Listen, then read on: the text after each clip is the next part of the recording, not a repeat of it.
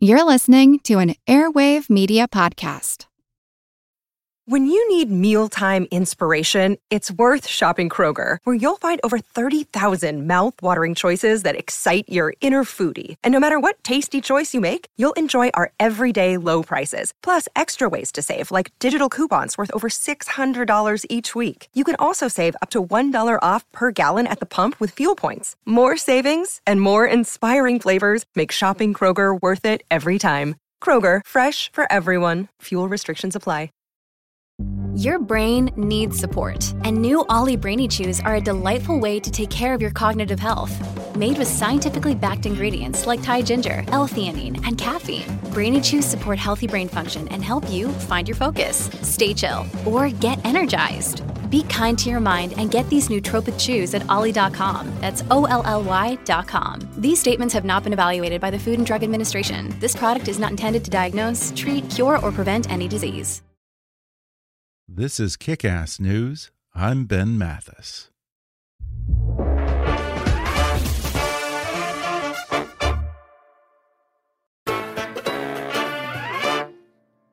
For more than 25 years, David Sedaris has been carving out a unique literary space, virtually creating his own genre.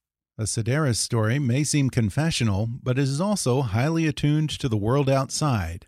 It opens our eyes to what is absurd and moving about our daily existence, and it's almost impossible to read without laughing. Now, for the first time collected in one volume, David Sedaris brings us his funniest and most memorable work.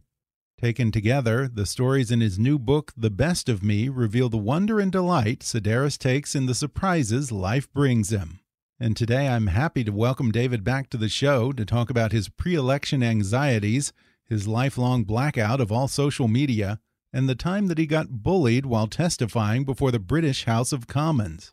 He discusses how he selected the essays that made it into The Best of Me, the strangeness of putting out a book without the traditional book tour, and the essay that got him in hot water with bear activists.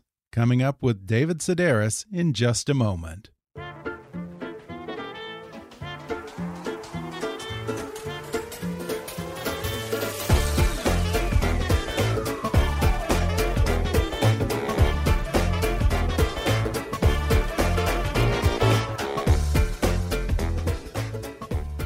David Sedaris is an author, humorist, and regular contributor to The New Yorker and BBC Radio 4. He's a member of the American Academy of Arts and Letters, and he's written 11 books, including his latest, which is a collection of his favorite essays from the past 25 years. It's called The Best of Me. David, welcome back to the show. Thanks for having me back. Well, David, it's so great to talk to you again. And I have to tell folks what a gentleman you are because the day after our last chat, which was probably about a year or so ago, I received the loveliest thank you note from you. And I just want to tell you how thoughtful and classy that was of you. I, th I think you're probably uh, one or one of two guests that's ever done that. That was very impressive. Well, I always, I mean, when I first went on my very first book tour, I thought everybody did that. And so I was kind of surprised when I found out that nobody did it. You know, because like when I go to the bookstore, I write all ever in the bookstore and I write down the people's names and I I don't know. I mean, I did it from the very start, but I just, again, I thought it was normal. It was just such a lovely gesture. And, of course, thank you notes in general are really becoming a lost art. Uh, are you old fashioned in that way? Are good manners generally important to you? Well, I did the commencement speech at Oberlin College last year. Um, the last year that you could actually have a commencement, I did it. and so I was trying to think, what advice do I have for young people? I mean, what real advice do I have to give? And that was the first thing I thought of was write thank you letters because it just makes sense, right? People like giving things to people who are grateful. Exactly.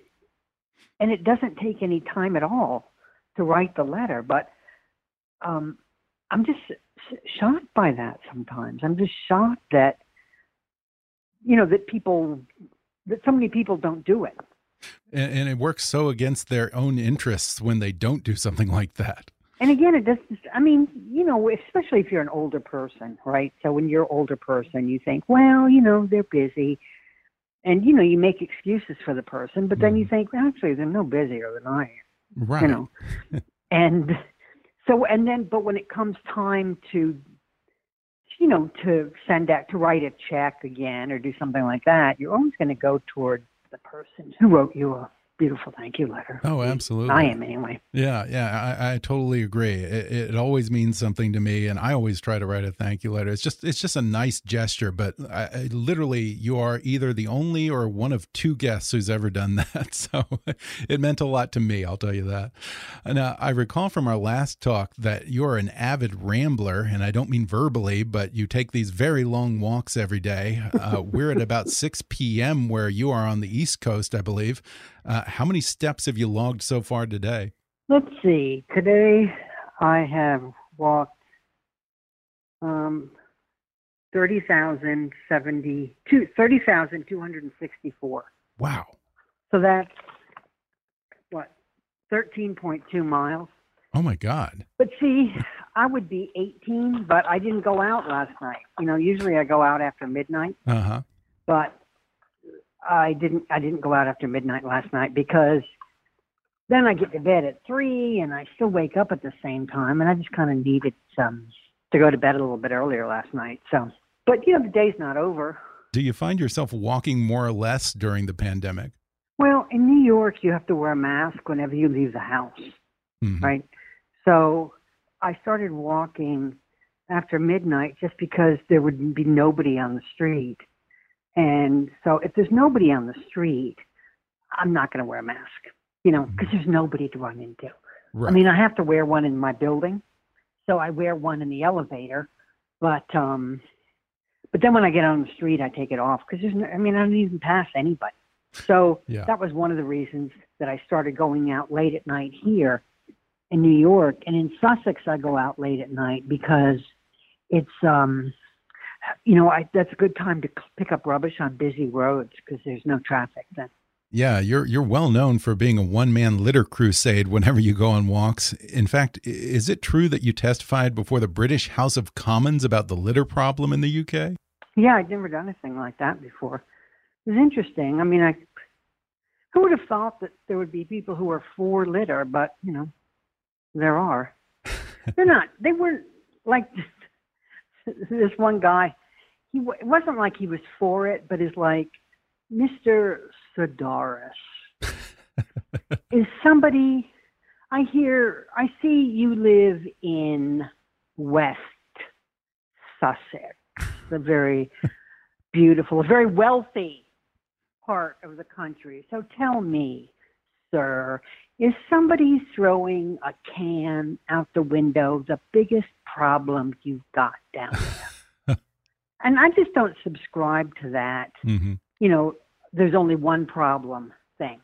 Because of course there are like huge problems, right? But I can't do anything about I can't do anything about like curing COVID. I can't do anything about income distribution you know, but this is something I can do something about. Mm-hmm. And anyway, I get so mad at myself because I wasn't, I'd never been, had anybody talk to me in quite that way. And I mean, my, I was, I was just, just enraged, you know, and I, and I, I'm so angry at myself for not saying what it was that I wanted to say, mm-hmm. you know which was, um, oh God, no, no, no, no, no, no, no. The biggest problem is your wife's whoring.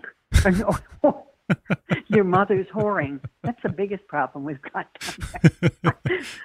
I mean, what could they have done to me? I mean, right? Yeah, I don't know what the punishment is for uh, speaking out of turn in the House of Commons. Maybe they throw you in the Tower of London or something. well, um, this guy, he was one of those. Uh, he was a politician who tried to make a name for himself by taking a stand against pedophilia. Like, ooh, that's that's radical, isn't it? I mean, who's in favor of pedophilia, right? Right. So he he authored this bill, and then he was caught sexting with a twelve-year-old girl. Oh wow! so he went down in flames, and then his wife left him for her personal trainer and wrote a book about uh, what a horrible alcoholic he is. So it was a really good, real. I don't not a big karma person, you know, believer necessarily, but I think if you go out of your way to, if you go out of your way to, um, you know, to destroy somebody who never did you any harm, hmm I think, I think, watch out, Yeah. know, because something's Poetic gonna, justice. But I, when I look back, I was just such easy prey, you know. I mean, Oh, you think? Uh, plus I was just, I was, why was I there to begin with? You know, I mean, the other people were all professionals. I was just nobody. I was just a nobody who picks up litter on the side of the road, I, uh, and and the others were, you know, they were savvy in in you know in terms of what they should and should not say, and Mhm. I just, I just open my mouth, you know, and crap comes out.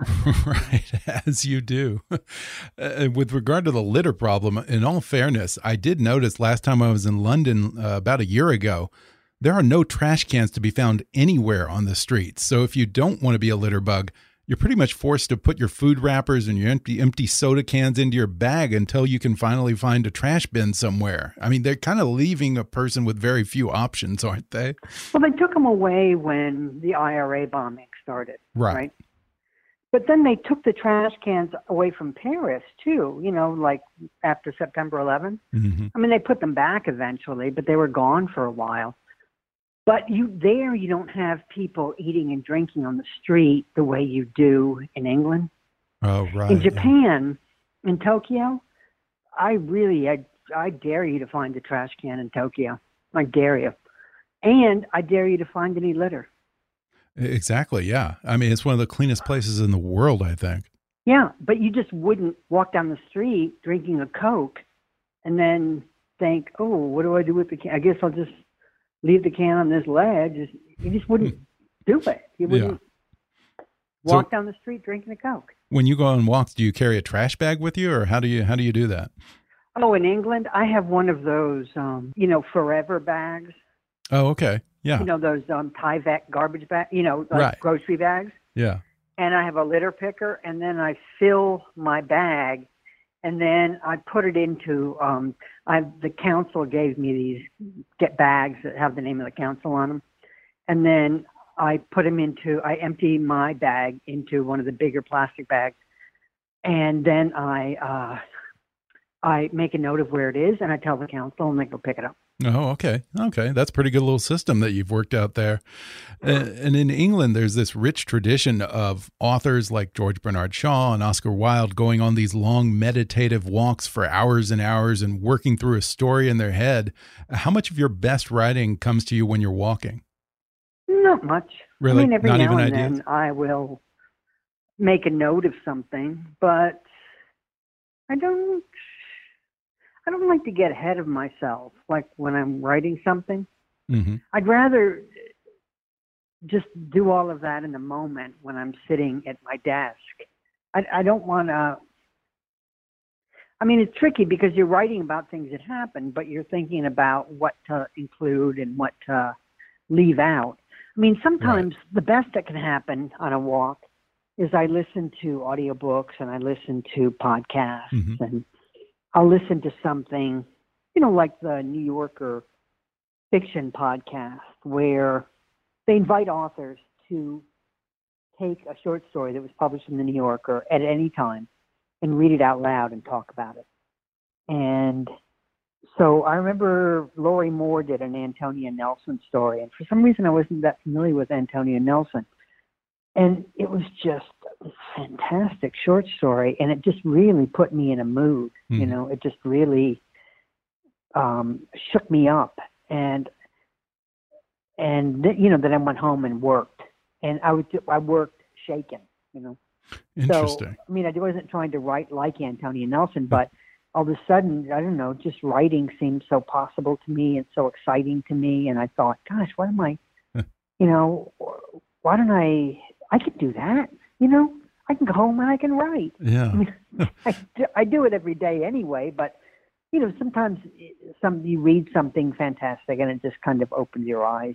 Well, speaking of hitting the open road, the pandemic, I have to imagine, certainly must have changed your plans for your book rollout. And I'm assuming that your speaking engagements are on pause for the moment. Is it nice to not have to go on the road and do weeks of book signings and appearances, or do you miss that sort of thing?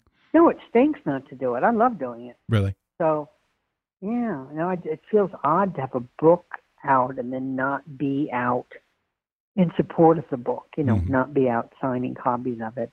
No, I hate it. And I hate, you know, two of my tours were canceled so far. And then my spring tour will be canceled. So that'll be the third tour in a row that's canceled. I hate it. I can't stand it. I mean, there's nothing I can do, and everybody's going through same thing. But sure. Uh, but I had uh, I have a book coming out in a year from now, and it's the second volume of my diaries. Oh, right, yeah. And so it's been a good time for that because so I've gone through my old diaries from 2004 to 2020, you know, until yesterday. And, uh, you know, I set parts aside that I thought might work, and then I go through it again and again and again and again. Because writing something new now I mean, I've written a couple of essays, but I don't know if they're good or not. I because I can't try them out loud in front of an audience. So for oh. all I oh. know, they suck. And I don't want to even I don't want to send them to the New Yorker because you know maybe they'll be published and then I'll read it out loud and I'll be like, oh my God, why did why did I do why didn't I do this? Why didn't I? That's not funny at all. Yeah. I thought it was funny, but it's not. So I I'm just saving everything and then I'll read it out loud yeah. If ever I can go on tour again, I'll try it then. Uh, yeah, I read somewhere that for your latest book of essays, you pretty much selected the ones that you like reading out loud, and that was your process. Yeah, I mean, I mean, there were a number to choose from, but mm. I just chose the ones that I always got excited about mm. reading out loud. You know, my editor and and the woman who does my audiobooks you know, they made some suggestions like, oh, why don't you include this and this? And I said, oh, no, I don't, I never liked that to begin with. So we're going to take a quick break and then we'll return with more when we come back in just a moment.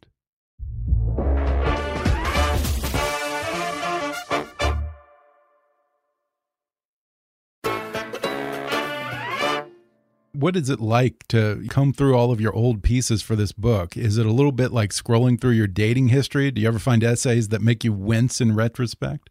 Well, like when I turn a book in, I always believe in it. Mm -hmm. But then when it comes out, and especially a couple of years later, I think, oh my God, half of this stuff is just garbage.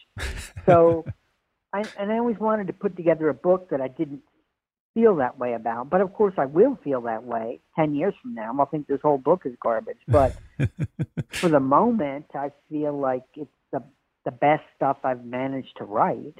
Uh, you know, the solution for you self publish. Just yeah, as soon as you, as soon as you're as soon as you're done, just put it out there before you can turn on yourself. well, I, I mean, when like when a book comes out, well, that's an okay thing too because if I were on a book tour right now, I probably wouldn't even read from this book. I would oh, really? read new stuff. Okay. Yeah, I don't like to. I mean, none of this, none of the essays in this book would I ever read if I had to give a reading tomorrow. Okay. I wouldn't read any of these things because they're old. I always worry that if I go to, you know, when if I'm on tour and I go to a town, and if I read something I wrote ten years ago, the audience is going to think, God, I haven't even done anything since I last saw him. So I just always read new things. Uh, what is the most recent essay in The Best of Me? Like what year? Uh, it's the very last one. It was in the New Yorker in January. Okay, so some of these are fairly recent, whereas others are go back what 20, 25 years? Yeah, 25 years. Wow. I mean, I can think of first or second thing in here, Glen's homophobia newsletter.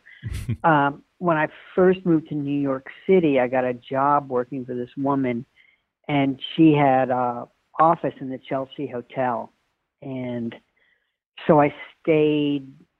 It was just an apartment, and she used it as an office. Um, but I remember I went there on a Saturday to do something, and then I just sat down and I wrote that story but I'll you know, when I just moved to New York, and it was such an exciting time for me, you know, because when you're new in the city, and and but I can recall that so clearly writing that that story is a, you know, it's fictional and it's just about a horrible person. The full title is Glen's Homophobia Newsletter, Volume 3, Number 2. And it's one of my favorites to this day. It is about homophobia, but as I read it, it's also more about people who confer meaning on every slight, real or imagined, and kind of go through life as the so called open wound looking for a knife to blame it on. I'm curious if you remember what inspired that essay. Well, uh, what I thought was funny is that Glen accuses everyone of homophobia, but they don't hate him because he's gay. They hate him because he's Glen. Right. You know, he's a horrible person. yeah. I, I, I was asked I to write something for this gay event, right? And I just knew that I wanted to write something that was ex- what I felt like it was going to be a celebratory event, you know, mm-hmm. like everyone would write like a celebration of gayness. And I just wanted to write something that wasn't celebratory. I you counter programmed it.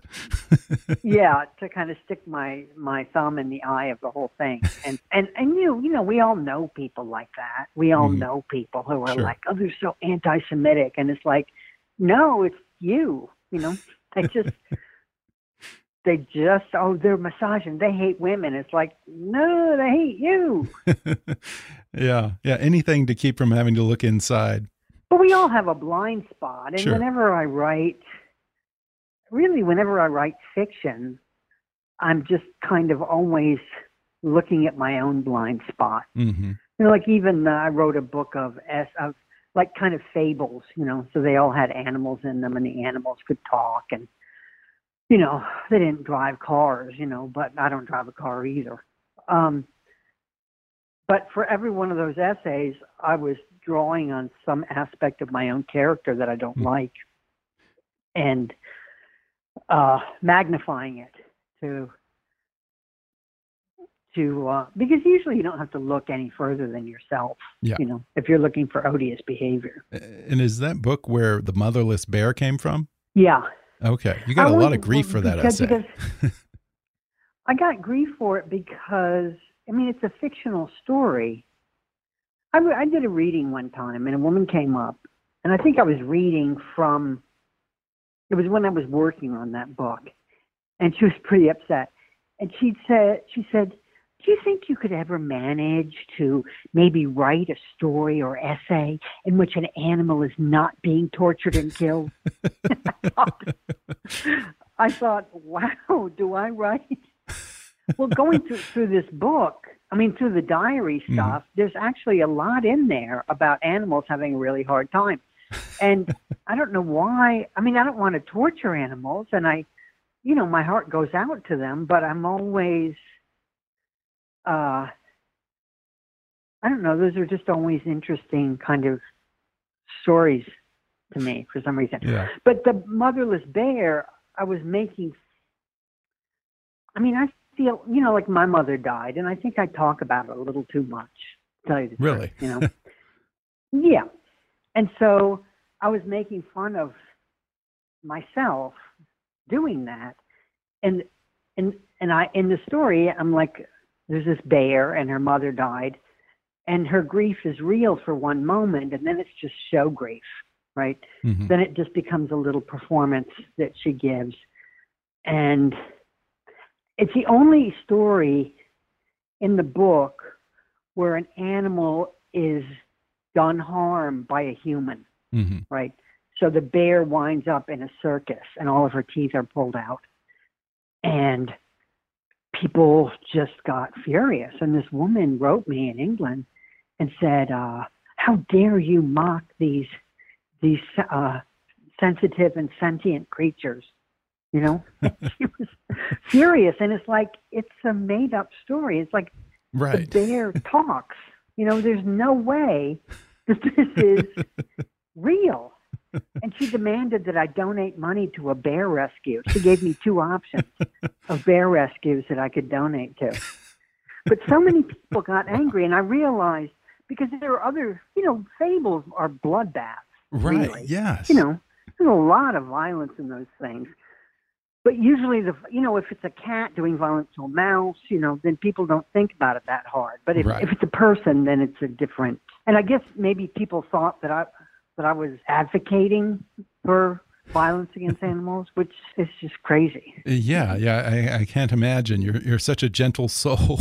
so, um, yeah, that would that would kind of shock me. But you know, it's so easy to tweak the outrage machine these days, which I, I think is the reason that you're not on social media at all, right? Still, is that still the case? Yeah. I have, a, I have a Facebook page, but I've never looked at it. I've never Oh, looked yeah. at anybody's Facebook page. I don't know what it looks like. You're not missing much. and I've never seen what Twitter looks like. Um, I have an Instagram page, but I've never seen it. oh, really? so who Uh, posts all yeah. these things for you? The book, the publisher. publisher. Okay, okay. Yeah, and I don't know what I don't know what's on there, and I don't care to know. but I think it makes me a happier person, especially like with this election. Reading, you know, it's so puzzling to me when I read that most people get their news from Facebook. I don't. I guess I just don't even know what that means. You're basically getting all of your information from memes and dubiously sourced articles. I mean, I read two newspapers a day, Really? and you know, I listen to the radio and I listen to some podcasts. I mean, I think there's a difference between the New York Times and the Huffington Post. I know there are people who think of the New York Times as like completely, you know, radical left wing newspaper. I don't. I think if you're really talking about radical left wing, and you put the New York Times on a scale there from one to ten, I would it be maybe a three, maybe? Yeah. Um, Any institution that wins Pulitzers, I feel feels that they have an obligation to keep things pretty fair and above the level. But I mean, I'll, quite often now, I, I'll do something and I'll think oh, I'm part of the problem right now. Oh, really? You know? Like what? Well, like you know, I'm pretty quick to demonize people who didn't vote the way I voted, Mhm. and that's that's being part of the problem. You know, just because someone doesn't agree with you. Uh, do you ever listen to the Daily? Oh, yeah. I love the Daily. Yeah, every day. Daily, I listen to the Daily. They had they had a really good episode, and it was just about election day, and it was about these people in northern Wisconsin, and who were running for local office. And one guy, he and his wife ran a supper club, and the other guy ran uh, a restaurant as well. And the supper club people were really, I don't know, maybe they were even libertarian, you know, like they they fought really hard when the state wanted restaurants to go non-smoking. hmm And their thing was people are grown-ups, you know, they can make up their mind if they want to go to a smoke-filled restaurant or not. And then they felt that way about masks too, right? But the thing is that they were really they were likable. And I felt almost like that I knew them. So I could hear them when they were talking. Like I didn't cross my hmm. arms and say, you know, you're a right wing nut. I I felt like I knew them and I could listen to them. And then it was interesting. And then the guy who was a Democrat was just a dick. You know, he he had he had moved there. He had gone to Harvard, and he had moved to this area. And he was a, you know, I guess he had studied opera, and so he said, "I I think the people here should be really grateful to have me. You know, I brought culture to this area, and and I don't blame them for a lot of their thinking. They're just not they're just not capable Hmm. of rational thinking, and Yeah. it's like." Man, read the room. You know, it's always a good thing when you can hear people who disagree with you. When you can hear them and you don't stuff your fingers in your ears and you don't call them names. That couple was so likable, and you thought, okay, well, I don't agree with you on anything, but uh, I like you. You know, best of luck to you. Yeah, yeah. I mean, we really miss that fellowship, and not just because of COVID, but just in general with the way our politics are these days. It, it seems like there are fewer and fewer people that are connecting like that over normal things that don't involve politics. It just seems that politics has tainted everything these days. Well, it's interesting in England because in England, you know, people don't advertise their opinions like they do no lawn signs in the United UK? States. no, no lawn signs, no billboard. I mean, no bumper stickers. Hmm. But like with Brexit, right? Oh, right. There's a horse farm near me that had a sign up that said "Vote Leave," and that's the only sign I saw, right? And so our neighbor, uh, our next door neighbor in Sussex, voted for Brexit, right? Which I didn't think Brexit was a good idea, but and she knew that we didn't think Brexit was a good idea. Um, but it didn't. We never hated each other and never didn't change anything. I think one of the differences there is that you don't have you don't have like the equivalent of Fox News. They don't you don't have like a a rage machine that's churning. You know, you Right. don't have like Rush Limbaugh and and uh you know, I mean there are like I don't know, there are 50 Rush Limbaughs, you know, but just uh convincing you that people who disagree with you are out to get you and they want to destroy everything. So it's just easier to have disagreement Yeah. there than Interesting. it is here. Huh. I heard that you flew back from England just to go back to North Carolina and vote for president in person. I'm curious, why didn't you just uh, send in an absentee ballot like most expats? Well, no, I was in New York, so I just flew Okay. from New York to England Oh, okay. to do it. But I didn't trust that my mail-in ballot would be counted. I just Mhm. thought, well, okay, I'm going to go down there and do it in person, Really? which was kind of great because I hadn't voted in person since I left the United States in 1998. And it's just great. It's a great feeling to go down there and, you know, if you voted differently from me, then at least you voted you Mhm. know, and that's something Sure. we have in common. And we both did our civic duty, and we both voted. It's the people who didn't vote. I just don't have any. I just don't have any. Yeah. And then their excuses are like, "Well, your vote doesn't really mean anything," and you, and I just, it's it's you're choosing inactivity, yeah, right? exactly. You're so so you're just you, you, whatever comes out of your mouth is just bullshit. You know, you're just lazy, Yeah. and whatever you say is just bullshit. Yeah. And I recall from, I think, our last conversation that your dad was, at least at that time, a big Trump supporter. Did he stand by his man in 2020? I'm pretty sure. I mean, Really? I mean, he's in this. He's in a, a assisted living facility, Okay. and so I said to my sister Lisa. She said I called there. The you know I called Springmoor to make sure that Dad can vote. And I was like, what'd you do that for? You know, I mean, just tell him the election was last week, or just say to him, "You voted yesterday," and he'd be like, "Yeah, oh, yeah, I voted yesterday."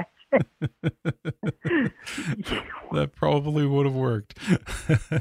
But my father used to, when he lived at home, he had Fox News on and he had Rush Limbaugh on, Mhm.